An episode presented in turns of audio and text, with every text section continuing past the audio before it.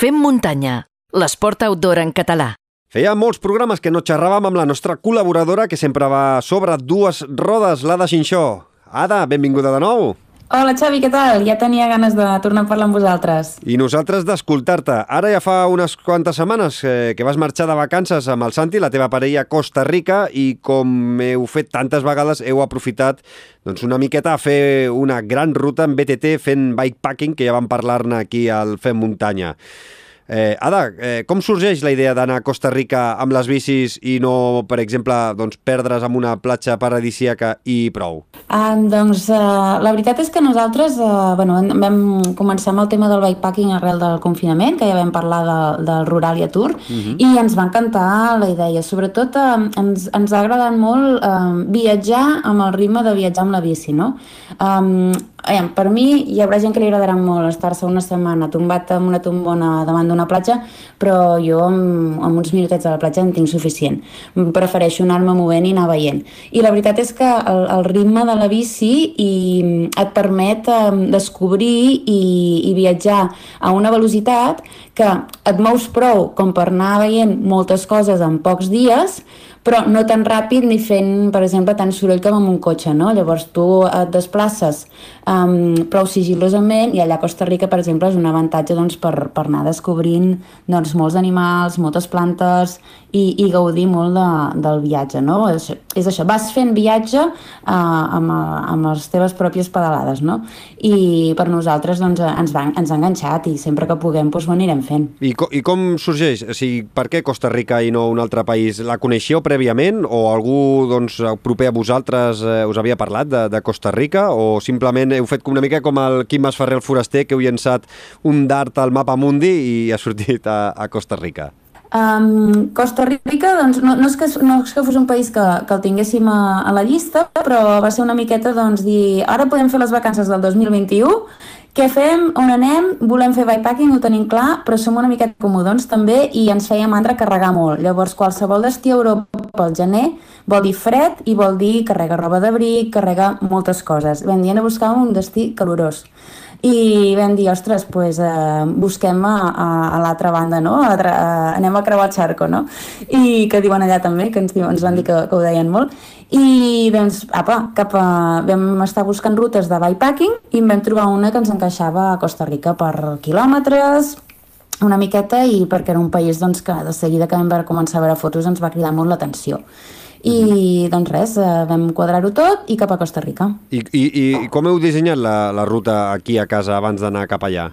Doncs va ser un viatge que no teníem molt temps per planificar-lo, vam fer així una miqueta de correcuita, i hi ha una, una web que es diu bikepacking.com on hi ha molts viatges de, de bikepacking de gent que ja els ha fet. Llavors um, vam veure aquest i, i de seguida doncs, en, ens va agradar, no? perquè feia, no, feia, doncs, no feia tot Costa Rica, feia la part de, del Pacífic, però feia tant interior, muntanya, zona volcans i bosc húmid, com, com, com part de costa i vam veure doncs, que, que era molt variat i ens va cridar l'atenció i vam dir doncs apa, agafem aquesta ruta que ja tenim els tracks ens encaixava per dies perquè eren uns 800 quilòmetres i, i ens la vam fer nostra. Mm -hmm. I aneu amb les vostres bicis, no? És a dir, és molt... no, no les jugueu allà. Anem amb les nostres bicis perquè com que en aquest, cas, en aquest cas, quan fem bikepacking, normalment vam, anem amb les de gravel i aquest cop també vam tornar a marxar amb la, amb la Tura i amb la Solsonina, que ja les coneixeu d'altres aventures. I tant. I preferim anar amb les nostres perquè, com que fem bastantes hores amb la bici, ens és més còmode.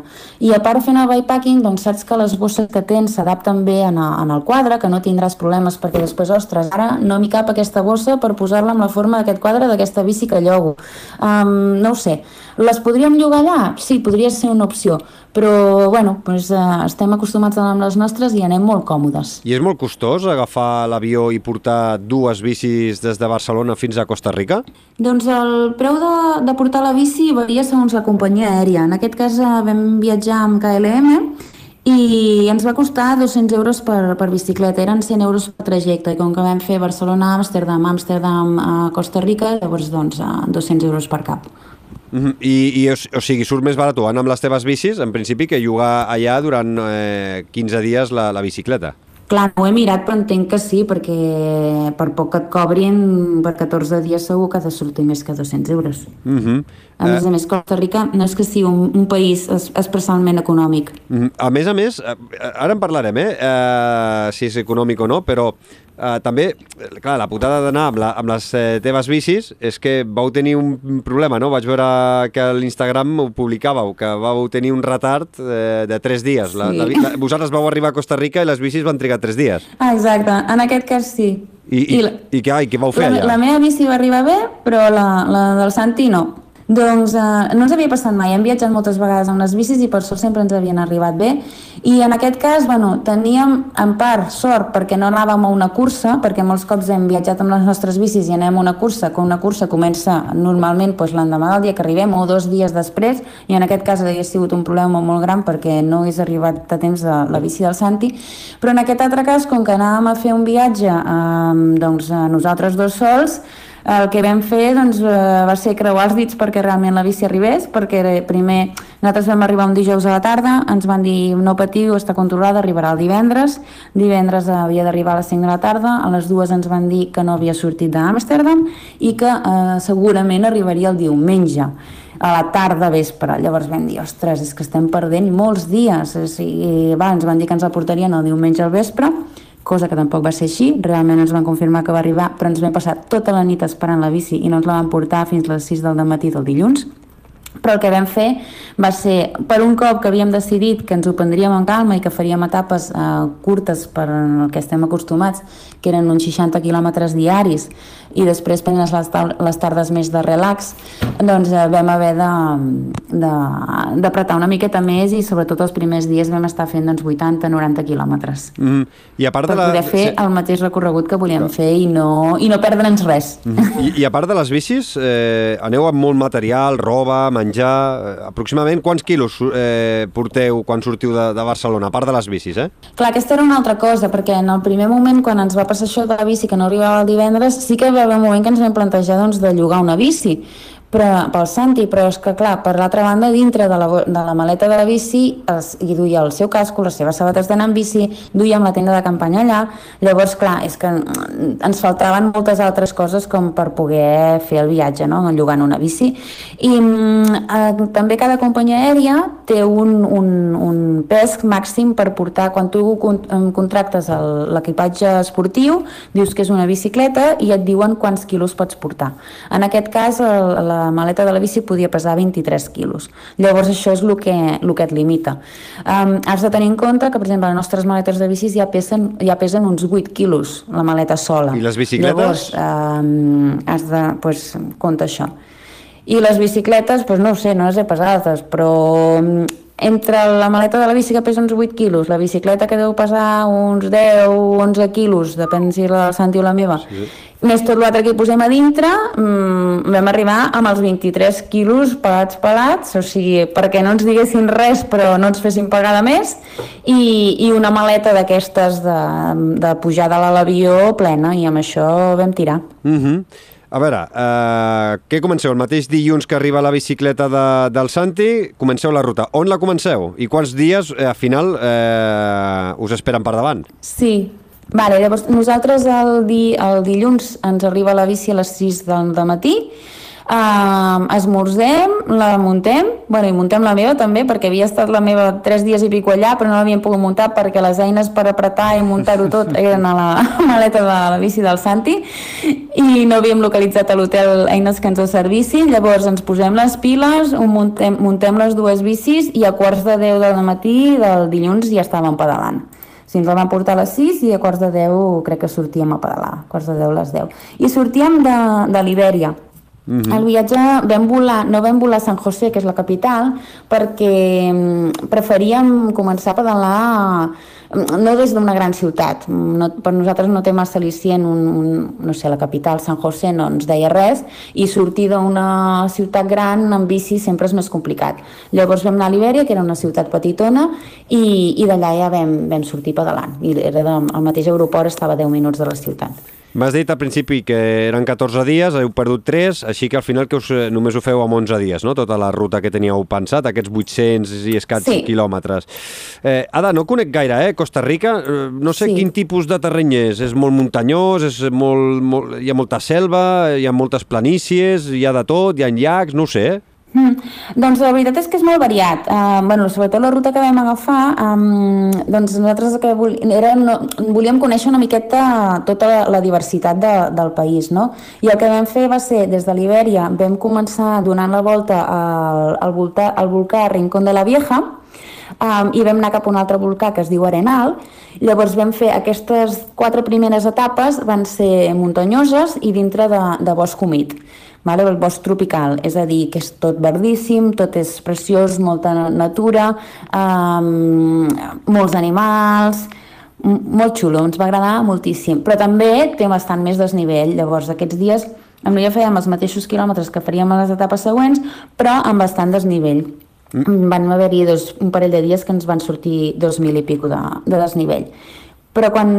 I a més a més allà el que tenen és que el, a lo millor són pistes planeres, però de cop i volta tenen rampes duríssimes, una rampa que puja i una rampa i després l'has de baixar, és bastant puja i baixa amb, amb rampes bastant dependents bastant contundents. Però després, quan vam baixar cap a la zona de la península de Nicoya, vam fer tota la volta al voltant de la costa. I allà hi havia etapes que eren més planeres, però que fos planer no vol dir que de cop i volta també et poguessis trobar un rampot amb, amb rampes bastant uh, pronunciades uh, per pujar un turonet i tornar-lo a baixar per tornar-te a acostar arran de mar. I quins eh, tipus d'animals eh, us heu trobat en aquesta rutada? Doncs la veritat és que ens va sorprendre molt perquè vam veure molts animals que per nosaltres són exòtics i que no havíem vist mai, a no sé que fos en un zoo o, o en alguna, bueno, algun lloc així, no? Um, sobretot, per exemple, al principi ens xocava veure iguanes. Uh, estàvem passejant per l'Ibèria, que vam tenir l'oportunitat doncs, d'estar-hi molt per, mentre esperàvem que arribés la bici, i un dia estàvem allà al costat de la catedral mirant a veure si fèiem una foto a l'església i estaven fent missa i de cop i volta veiem una iguana palplantada davant de la porta a l'escala prenent el sol davant de, de tota la gent dins de, de l'església, no? I per ells és normal, passen per allà al costat i ni se les miren. I bueno, al final nosaltres doncs, ens vam acostumar no? a veure iguanes cada dos per tres, però també ens va xocar molt, per exemple, que tan aviat veies una iguana o monos o serps, que aquí normalment no veus, però de cop i volta ens creua un cèrvol una pista, que dius, ostres, jo això m'ho imagino més en uns boscos de casa nostra, no? Un cèrvol, doncs no, ja també n'hi ha. O esquirols, no? Amb papallones de mil colors diferents, eh, tocants, i llavors animals, doncs, no sé, també com uns que, no, que aquí em sembla que no hi són, que els hi diuen pizones, que, són, bueno, que no els havíem vist mai allà i que vam haver de buscar per internet a veure quin, quin animal era, no? Déu-n'hi-do, que Però xulo. sí, molt, que xulo. la veritat és que val molt la pena anar-hi. Mm -hmm. Sí. I- i entre- sí, sí, perquè, bueno, te'ls trobes pel camí. Uh -huh. I entre etapes on, on dormiu? O dormiu sempre a la vostra tenda de campanya o hi ha dies que dormiu en algun hostal o dormiu a casa d'algun particular? Sí, doncs mira, um, duíem la tenda de campanya i la veritat és que vam dormir-hi menys del que teníem previst perquè allà ens vam trobar que hi havia um, uns allotjaments que ells els hi diuen cabines, que és com un, una pensió molt econòmica, que és només la, una habitació amb, amb un quarto de bany, molt senzillet, sense gran cosa.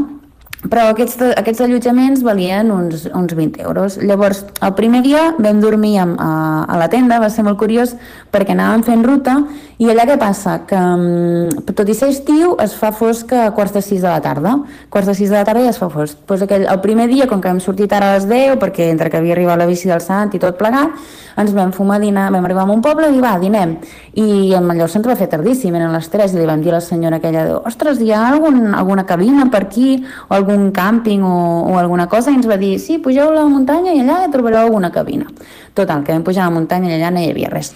Hi havia algunes cases, això, vam preguntar, i li, sí, sí, i li diem, perdoni, alguna cabina per aquí i tal, i ens diu, no, no, aquí no hi ha res. I, di, i, i algun càmping, això, diu, no, no, estan molt lluny. I diu, però porteu tenda? Diem, sí. Diu, ah, doncs on vulgueu. Acampeu aquí al nostre pati, allà on us vingui de gust. La veritat és que tenien una extensió enorme de terreny. Ens va dir, lligo el gos i, i acampeu on vulgueu. Molt bé. Llavors aquell dia vam, vam dormir al pati de, de casa d'aquesta gent, estupendament, i sí que ens va ploure molt aquell, aquella nit, per exemple, que la tenda no ens va donar cap problema i l'estrenàvem, però clar, aquests dies que estàvem al bosc tropical, doncs vam, al veure que hi havia aquests allotjaments econòmics, vam, vam dormir dos dies més, amb, amb, vam trobar cabines, i allà on, on acabàvem, les buscàvem a l'hora de dinar, miràvem el Google Maps, posaves cabines, te'n sortien unes quantes, i dèiem, doncs vinga, aquest poble ens va bé, que ens ve de camí. I, i dormíem allà. Normalment ens costava uns 20 euros mm -hmm. I, la nit, i, algun, i normalment no inclou res més que l'allotjament. Molt bé, per fer aquest canvi d'etapes i, i, i suposo també aprofitar una miqueta per, per, per netejar-vos, no? Ah, exacte. Així tens dutxa, això sí. Ara, no busquis aigua calenta, cosa que nosaltres no, no tenim problema, no? i menys allà que, que les temperatures són bones, no? però jo crec que amb tots els dies ens vam dutxar amb aigua calenta l'última nit a, a l'hotel abans de marxar, la resta sempre amb aigua freda.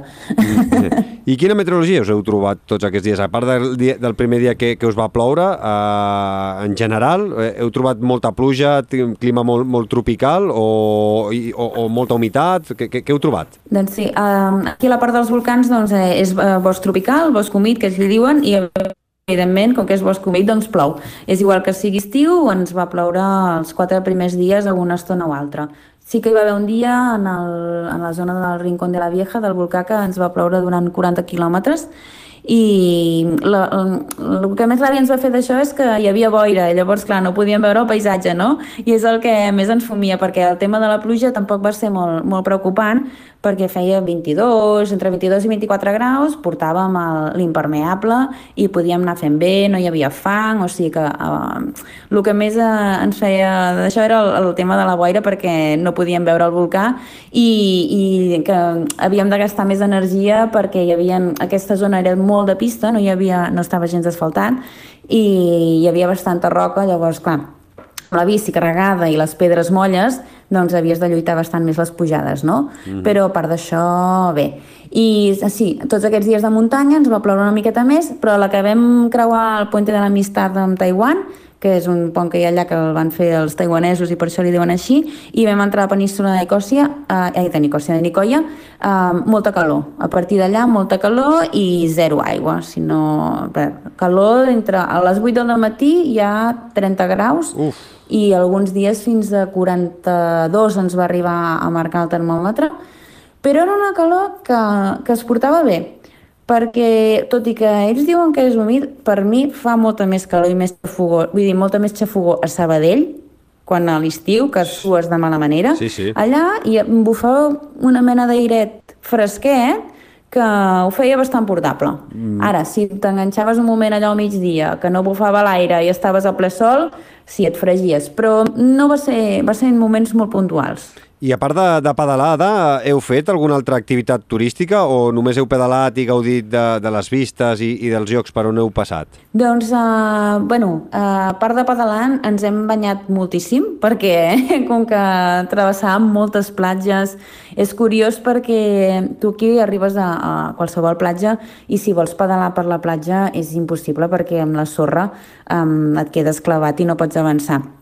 Allà, com que hi ha marees, Uh, llavors, quan, quan baixa l'aigua, la sorra es posa més compacta i vam fer molts quilòmetres per la platja. Llavors, quan volíem paràvem i ens banyàvem, tornàvem a la bici, descansàvem, o sigui, estava molt bé perquè, perquè podíem banyar-nos en qualsevol moment, fins i tot hi havia estones que ens vam trobar una platja enorme de dos, tres quilòmetres i no hi havia ningú, per nosaltres sols. Espectacular. I a part d'això, doncs, eh, hi va haver un dia que sí que havíem... Una noia que vaig contactar que havia vist que havia anat a Costa Rica ens va dir que havia fet una activitat que era mm, a veure les aigües bioluminescents. I vam quadrar-ho per, per anar-ho a veure un dia tot i que la gent que ho organitzava ens van dir ostres, és molt mala setmana aquesta perquè hi ha lluna plena i quan hi ha lluna plena és molt difícil veure les aigües bioluminescents. Diu, però bueno, diu, si no, doncs, eh, també és una experiència perquè això es fa amb caia i, i dius, doncs veureu la posta de sol, ho fas amb, amb, a, la nit, no? i que nosaltres havíem fet caiac alguna vegada, però sempre de dia. I van dir, bueno, doncs apuntem-s'hi i, i fem-ho. I sí, sí, vam anar a, a, un, amb un guia i el Santi i jo per allà eh, mentre es feia fosc amb el caiac i vam parar en una cala i ens va dir, bueno, això són unes algues que, que bueno, depèn com, eh, es, fan, es veuen fluorescents, tal i qual, s'ha de moure l'aigua, i primer érem una miqueta escèptics, però va ser brutal.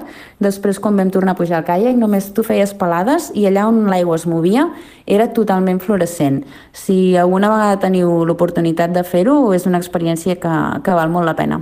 Doncs eh, queda apuntat, perquè la veritat és que tal com ho estàs explicant, ara et demanaria si tens alguna foto per poder publicar a les xarxes del Fem Muntanya, si és que es veu amb les fotografies, perquè a vegades hi ha eh, doncs, eh, no. aspectes que no es veuen bé en fotos i sí que es veuen bé eh, in situ, no?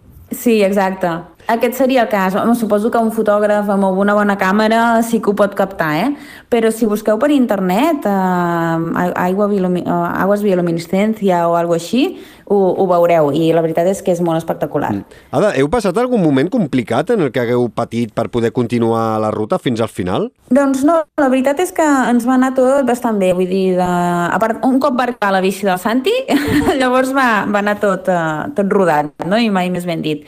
Um, només uh, d'això va ser, un dia jo no em vaig trobar gaire bé de la panxa, però vaig anar fent bueno, més tranquil·la del normal i menjant una miqueta menys, però l'endemà ja, ja em trobava perfecta i, i vam tenir d'averies doncs, eh, la primera punxada el Santi va tallar el pneumàtic al quilòmetre 49 de 850 que vam fer. Uf. dius, home, no pot ser que acabem de començar i haguem tallat un pneumàtic. Diu, com continua així, malament rai però no, no, no cap problema, vam, vam reparar i després vaig punxar jo eh, el penúltim dia. I mm. també ho vam poder reparar. Ja, fins i tot vam estar pedalant amb un, amb un senyor que vam conèixer de Canadà, que està fent una ruta molt similar a la nostra i també el vam haver d'ajudar a reparar una punxada, eh? però eh, bàsicament això va ser, va ser el més greu eh, i no, cap, eh, cap mena d'incidència important. Eh, Ada, has dit que volar amb les bicis, el, el cost extra de, de, per cada bici han sigut 200 euros, eh, a part de, de, del cost de les bicicletes, eh, quan eh, us ha costat el fet de, de volar de Barcelona a Costa Rica i els, 15, els 14 dies o els 15 15 dies que, que heu estat allà? Val, a veure, els vols no ens van sortir molt barats, però també, clar, no ho vam agafar amb molta antelació, llavors suposo que si tu mires amb temps pots aconseguir coses més econòmiques. Ens van costar, em sembla, 2.200 euros als dos, més els 400 de les bicis.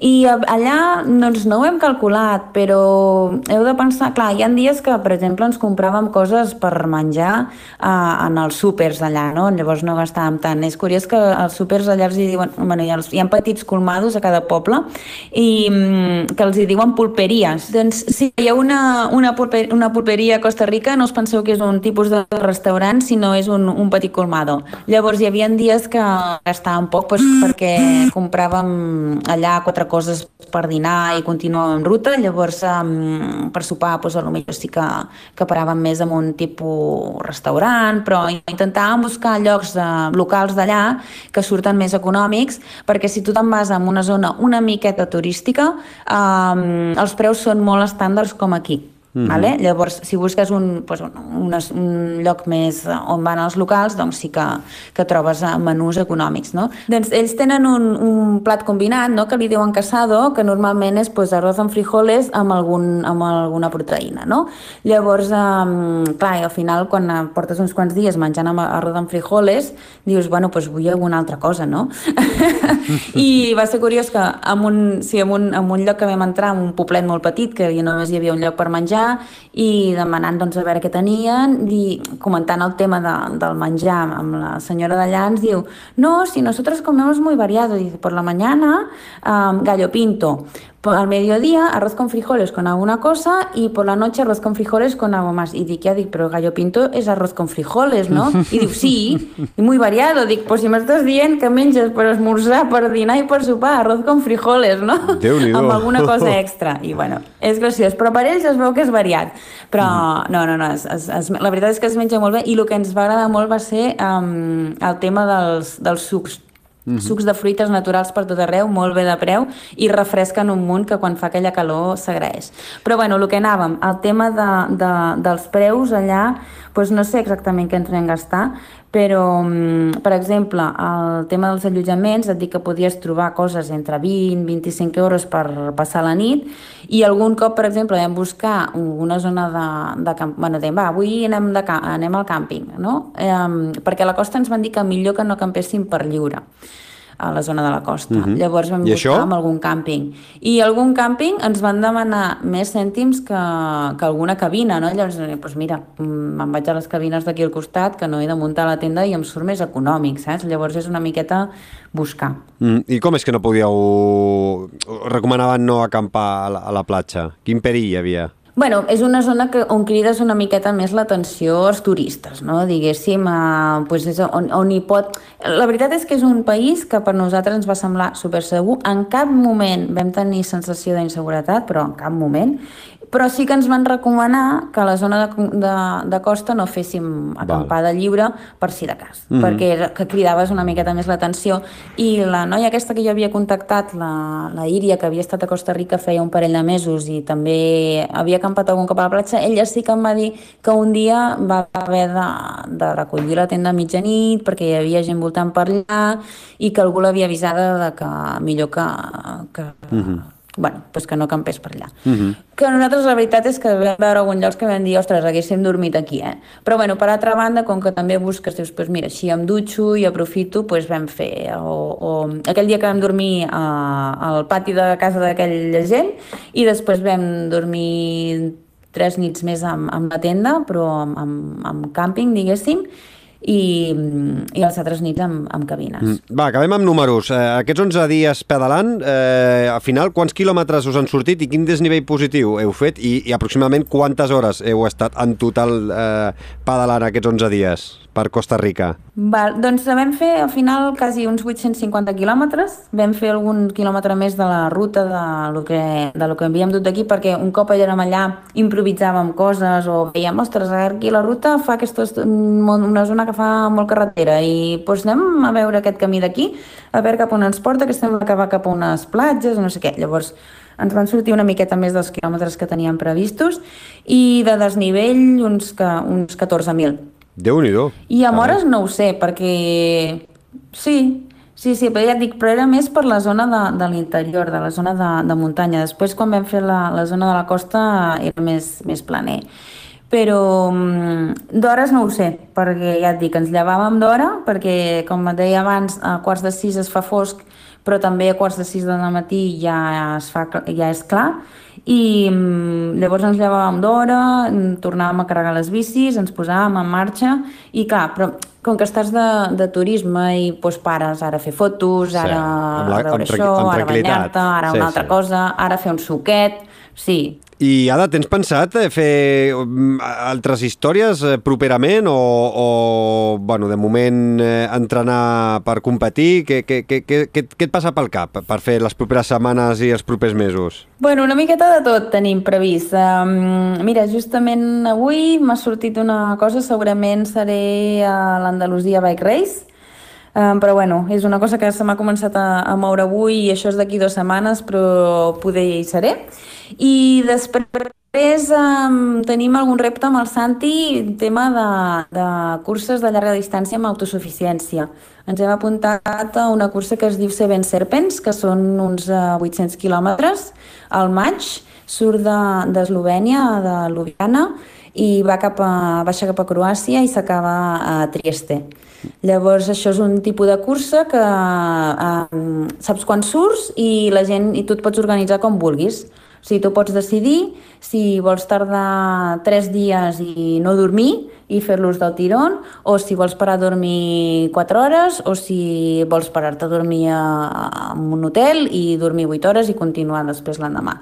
Tens normalment un màxim de dies i tu t'espaviles, tu et portes el teu menjar o pares a menjant el- on vulguis i, bueno, bàsicament aquesta és la idea. I Doncs- provar de fer això, a veure què tal. Ho anirem seguint, t'anem seguint sobretot a Instagram i al teu Strava, que deixarem els enllaços a les notes d'aquest eh, capítol. Ada, com sempre, moltes, moltíssimes gràcies per explicar-nos i fer-nos gaudir amb les teves aventures.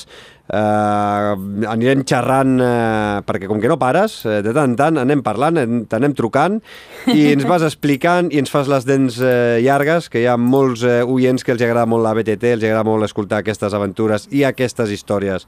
Cuida't molt, eh, una abraçada també pel Santi i una molt gran per tu. Igualment, moltíssimes gràcies. Una abraçada. Visita la nostra web femmuntanya.cat